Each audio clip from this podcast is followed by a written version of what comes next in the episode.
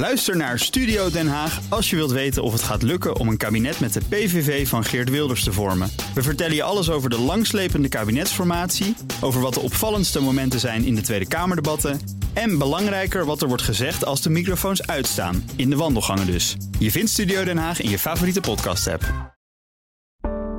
Een goedemorgen van het FD. Ik ben Pauline Wuster en het is woensdag 6 juli.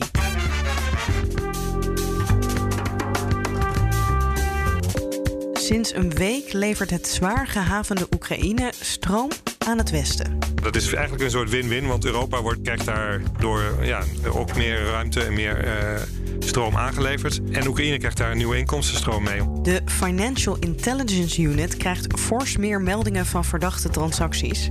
Maar of dat ook betekent dat er meer criminaliteit wordt verhinderd? Het is natuurlijk heel, heel leuk om Ferraris op een, uh, op, een, op een grote laadwagen getild te zien worden. Maar zij vinden misschien uh, het verstoren van de criminele infrastructuur eigenlijk en nog belangrijker dan zeg maar, het afpakkenbeleid. En door het hele land zien makelaars dat er minder mensen afkomen op bezichtigingen. Van Amsterdam tot Heerenveen, IJsselstein, dus echt uh, Den Bosch door het hele land. Dit is de dagkoers van het FD. En we beginnen in Oekraïne, want dat land lijkt ons uit de brand te gaan helpen door stroom te exporteren waarmee wij dan weer minder afhankelijk worden van Russisch gas. Hoe dat zo gekomen is, hoor je van onze energieredacteur Bert van Dijk. Ik geloof al in 2017, toen uh, heeft de EU besloten om de, ja, net het stroomnetwerk van de Europese Unie te koppelen aan dat van Oekraïne. En dat zou pas over een aantal jaren, dus in 2026 volgens mij, zou dat dan helemaal klaar moeten zijn. Maar door de oorlog, ja, de inval van eh, Rusland in Oekraïne is dat allemaal heel erg versneld. En dat zijn vooral procedures en testen die ze hebben versneld. En daardoor is het, uh, het Oekraïnse stroomnetwerk al sinds vorige week volledig gekoppeld aan dat van Europa. Ja. Dat is eigenlijk versneld in maart, want toen heeft Oekraïne zichzelf, of in februari, net voor de inval um, van Rusland, hebben ze zichzelf eigenlijk losgekoppeld van het Russische netwerk waar ze op waren aangesloten. Uh, en toen waren ze dus eigenlijk een beetje alleen, want ze, nou ja, ze, ze, hadden verder geen connecties met andere landen nog, althans niet noemenswaardig. En toen hebben de Europese ministers gezegd van, nou ja, we vinden een soort crisisplan, laten we nou heel snel die plannen die we hebben versneld doorvoeren, want dan kunnen we Oekraïne helpen mocht daar ja, iets fout gaan, dan, uh, nou ja, dan wij, zijn wij een soort backup voor ze. Maar nu lijkt het meer alsof zij een backup voor ons zijn. Nou ja, dat is wel uh, ja, grappig wat er nu aan de hand is. Want ze kunnen dus nu ook stroom in- en exporteren. Maar omdat die oorlog is begonnen, is de elektriciteitsvraag in Oekraïne heel hard gedaald. Uh, doordat nou ja, de steden kapot zijn geschoten, fabrieken stil liggen. Uh, en ze dus best een heel groot productiepark hebben met heel veel overcapaciteit. En dat gaan ze nu daar beginnen ze nu mee om dat te exporteren naar Europa. Dat is eigenlijk een soort win-win, want Europa wordt, krijgt daardoor ja, ook meer ruimte en meer uh, stroom aangeleverd. En Oekraïne krijgt daar een nieuwe inkomstenstroom mee, omdat ja, de energieprijzen heel hoog zijn en ze dus veel geld krijgen voor de stroom die ze nu naar de EU kunnen exporteren. Hoe groot is dat ongeveer wat zij kunnen leveren, Oekraïne? Nou, nu is dat nog allemaal heel erg beperkt. Dus het gaat echt om, uh, nou ja, misschien miljoenen uh, euro's zou je kunnen zeggen. Maar ze hebben de potentie, dat zeggen deskundigen, om over een aantal jaar. Maar daarvoor moeten ze nog wel een aantal tests doen. Maar in geld uitgedrukt zouden ze dan per jaar zo'n uh, ruim 2 miljard kunnen binnenhalen. En, en wat voor stroom is het? Hoe schoon is het? De Oekraïne is een land wat voornamelijk op kernenergie draait. 55 tot 60 procent van de elektriciteit is, uh, die opgewekt wordt in Oekraïne, die wordt opgewekt in kerncentrales. En dan heb je nog een, een, een uh, grote, groot gedeelte van ongeveer 23% kolenstroom. En dan nog wat waterkracht en dan een heel klein gedeelte renewables, dus zon en wind. Ja, maar ze hadden een hele grote kerncentrale die nu in Russische handen is. Ja, die is in militaire handen van de Russen, maar die draait nog wel uh, met Oekraïns personeel. Dus die is nog wel aangesloten op het Oekraïnse netwerk. En komen we hiermee nog dan uh, in problemen met onze klimaatdoelen? Nou ja, als het echt, echt om hele grote hoeveelheden gaat in de toekomst, dan zou dat wel ja, misschien wel een probleem kunnen worden. Maar het blijft dan natuurlijk toch om kleine hoeveelheden gaan. Maar die kodestroom die ze exporteren, ja, die valt niet onder het Europese emissiehandelssysteem. Dus dat is goedkoper voor ze om te doen. En dat zijn, kun je zeggen, is dus eigenlijk viezere stroom die we dan daarmee importeren.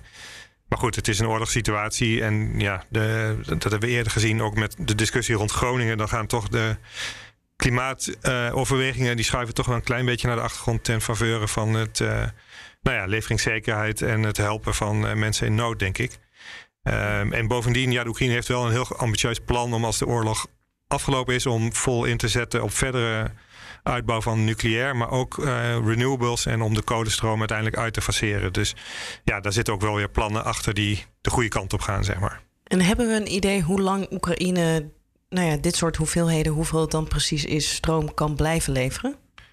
Nou, ik denk dat ze dat voorlopig kunnen ze dat wel een aantal jaar volhouden, denk ik. Ook omdat gewoon ze echt een heel groot productiepark hebben. En ja, en, en het uh, verbruik heel erg hard is teruggelopen. En ja, het hangt een beetje vanaf hoe snel de oorlog is afgelopen en alles weer vol gaat opstarten. Maar ik verwacht dat dat toch nog wel heel lang gaat duren. Het aantal meldingen van ongebruikelijke transacties bij opsporingsdienst Financial Intelligence Unit verdubbelde in twee jaar tijd. Maar sommige financiële instellingen blijven achter, vertelt redacteur Rutger Bedlem. Vooral de financieel dienstverleners, denk uh, advocaten, notarissen, makelaars, al dat soort uh, instanties, uh, eigenlijk niet zo heel veel melden. En er wordt heel vaak gezegd uh, dat dat te maken heeft met de dreigingsangst. Hè? Je kan snel een represaille krijgen. Hè? Een bank is een anoniem ding. Een notaris, dat heeft gewoon een kantoor van waar je, ehm, om het maar plat te zeggen, de ramen in kan gooien. Toch valt het wel op dat ze heel erg weinig melden. En, en wat vindt de Financial Intelligence Unit daarvan? Nou ja, die vinden dat eigenlijk een beetje onzin. Die zeggen, ja, we gaan niet, uh, we gaan niet zomaar op iemands deur kloppen. We vertellen ook, ook niet zomaar hè, waarover het gaat. Uh, als er een dreigingsangst is, dan zullen we altijd goed kijken van wat de risico's zijn. En zij vinden dat een klein beetje ehm, onterechte angst. En bovendien zeggen ze, joh, weet je, als je niet wil melden, dan moet je niet in de financiële sector werken. Als het wel verdubbeld is in twee jaar tijd, waar komen al die meldingen dan vandaan? Er komen er heel veel vanaf de banken. De banken hebben echt een enorme inhaalslag gemaakt. Een andere hele grote groep, die is eigenlijk nog groter dan de banken, dat zijn de betaaldienstverleners. Uh, de Adyen-achtige partijen. Nou, dat zijn partijen die doen vooral heel veel um, automatische meldingen. Hè. Dus stel, uh, jij koopt iets van 15.000 euro op je credit, creditcard. Dan uh, moet dat eventjes gemeld worden bij de FIU. Nou, dat gaat gewoon automatisch. En een andere groep die heel veel is gemeld, dat zijn de crypto-ondernemers. Is dat dan ook omdat daar veel gebeurt? Uh, als je het aan de crypto-ondernemers vraagt, dan zeggen zij dat ze uh, helemaal niet zo uh, in verband gebracht moeten worden met de criminele activiteiten en met het witwassen, et cetera. De FIU denkt daar wel duidelijk anders over. Die zeggen, nou ja, het is wel echt een plek waar eh, wit, witwassen, um, oplichting, fraude, ransomware um, echt aan de, echt aan de orde van de dag is. Ja, nou is dat bij de crypto's de vraag, maar natuurlijk überhaupt bij die meldingen. Betekent dit dat er ook beter opgespoord wordt? Of dat er meer criminaliteit is? Of hebben we enig idee hoe die meldingen zich verhouden tot wat er opgespoord wordt en wat er gebeurt? Het is ontzettend lastig om dat te zien. Hè. Um, er is een heel bekend onderzoek van uh, Brigitte Unger. Zij is van de Universiteit Utrecht. En zij komt meestal met cijfers van rond de 13 miljard aan criminele geldstromen op jaarbasis in Nederland. Nou, uh, zoveel geld wordt er zeker, zeker niet zomaar gepakt en ook niet uh, afgepakt. Um, de FIU die stelt zich op het standpunt van ja, uh, het is natuurlijk heel, heel, leuk om Ferraris op een, op, een, op een grote laadwagen gedeelte te zien worden.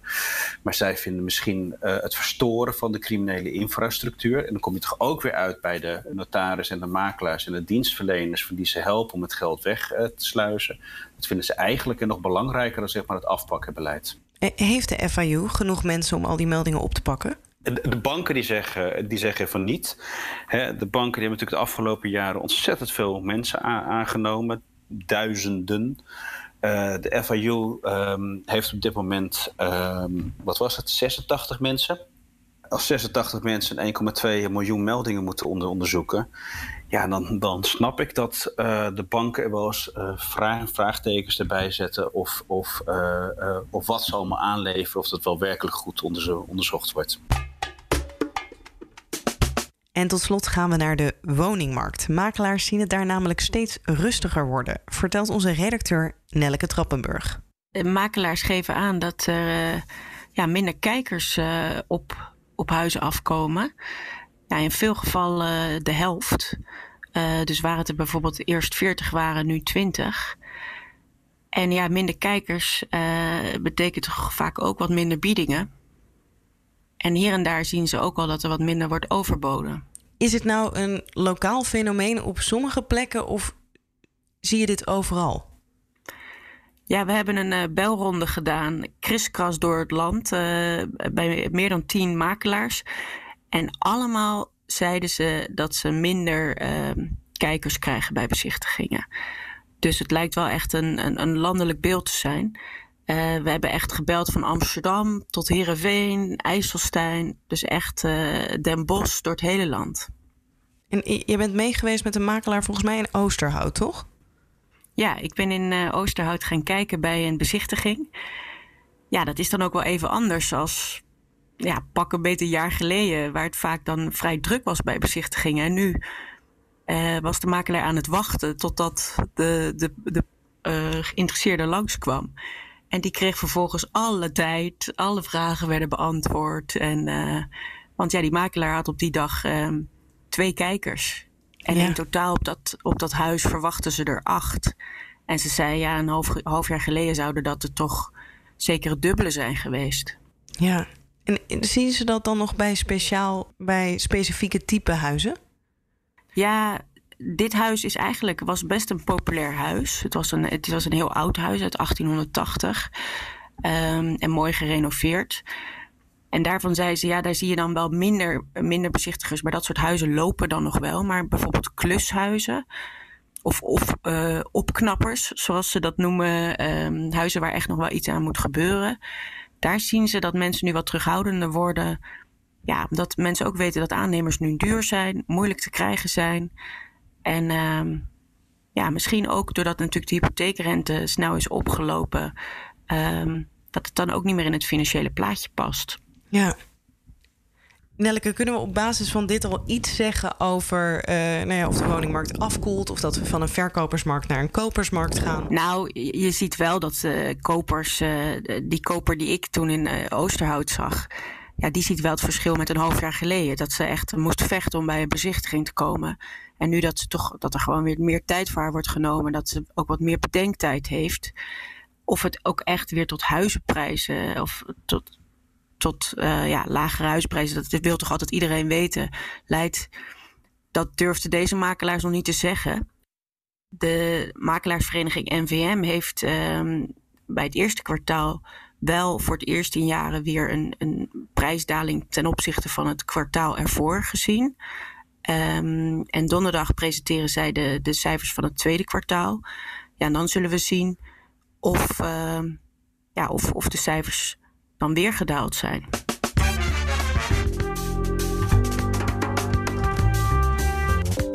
Dit was de dagkoers van het FD. We zijn er elke werkdag, dus morgenochtend staan we weer voor je klaar in je favoriete podcast-app. En ondertussen kan je natuurlijk alles lezen over de ongebruikelijke transacties, over stroom uit Oekraïne en over de woningmarkt op fd.nl.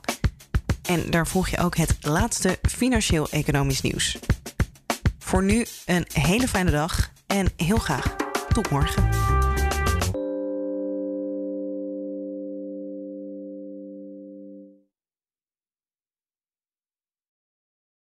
Ook Bas van Werven vind je in de BNR-app. Ja, je kunt live naar mij en Iwan luisteren tijdens de ochtendspits. Je krijgt een melding van Breaking News. En niet alleen onze podcast Ochtendnieuws, maar alle BNR-podcasts vind je in de app. Download nu de gratis BNR-app en blijf scherp.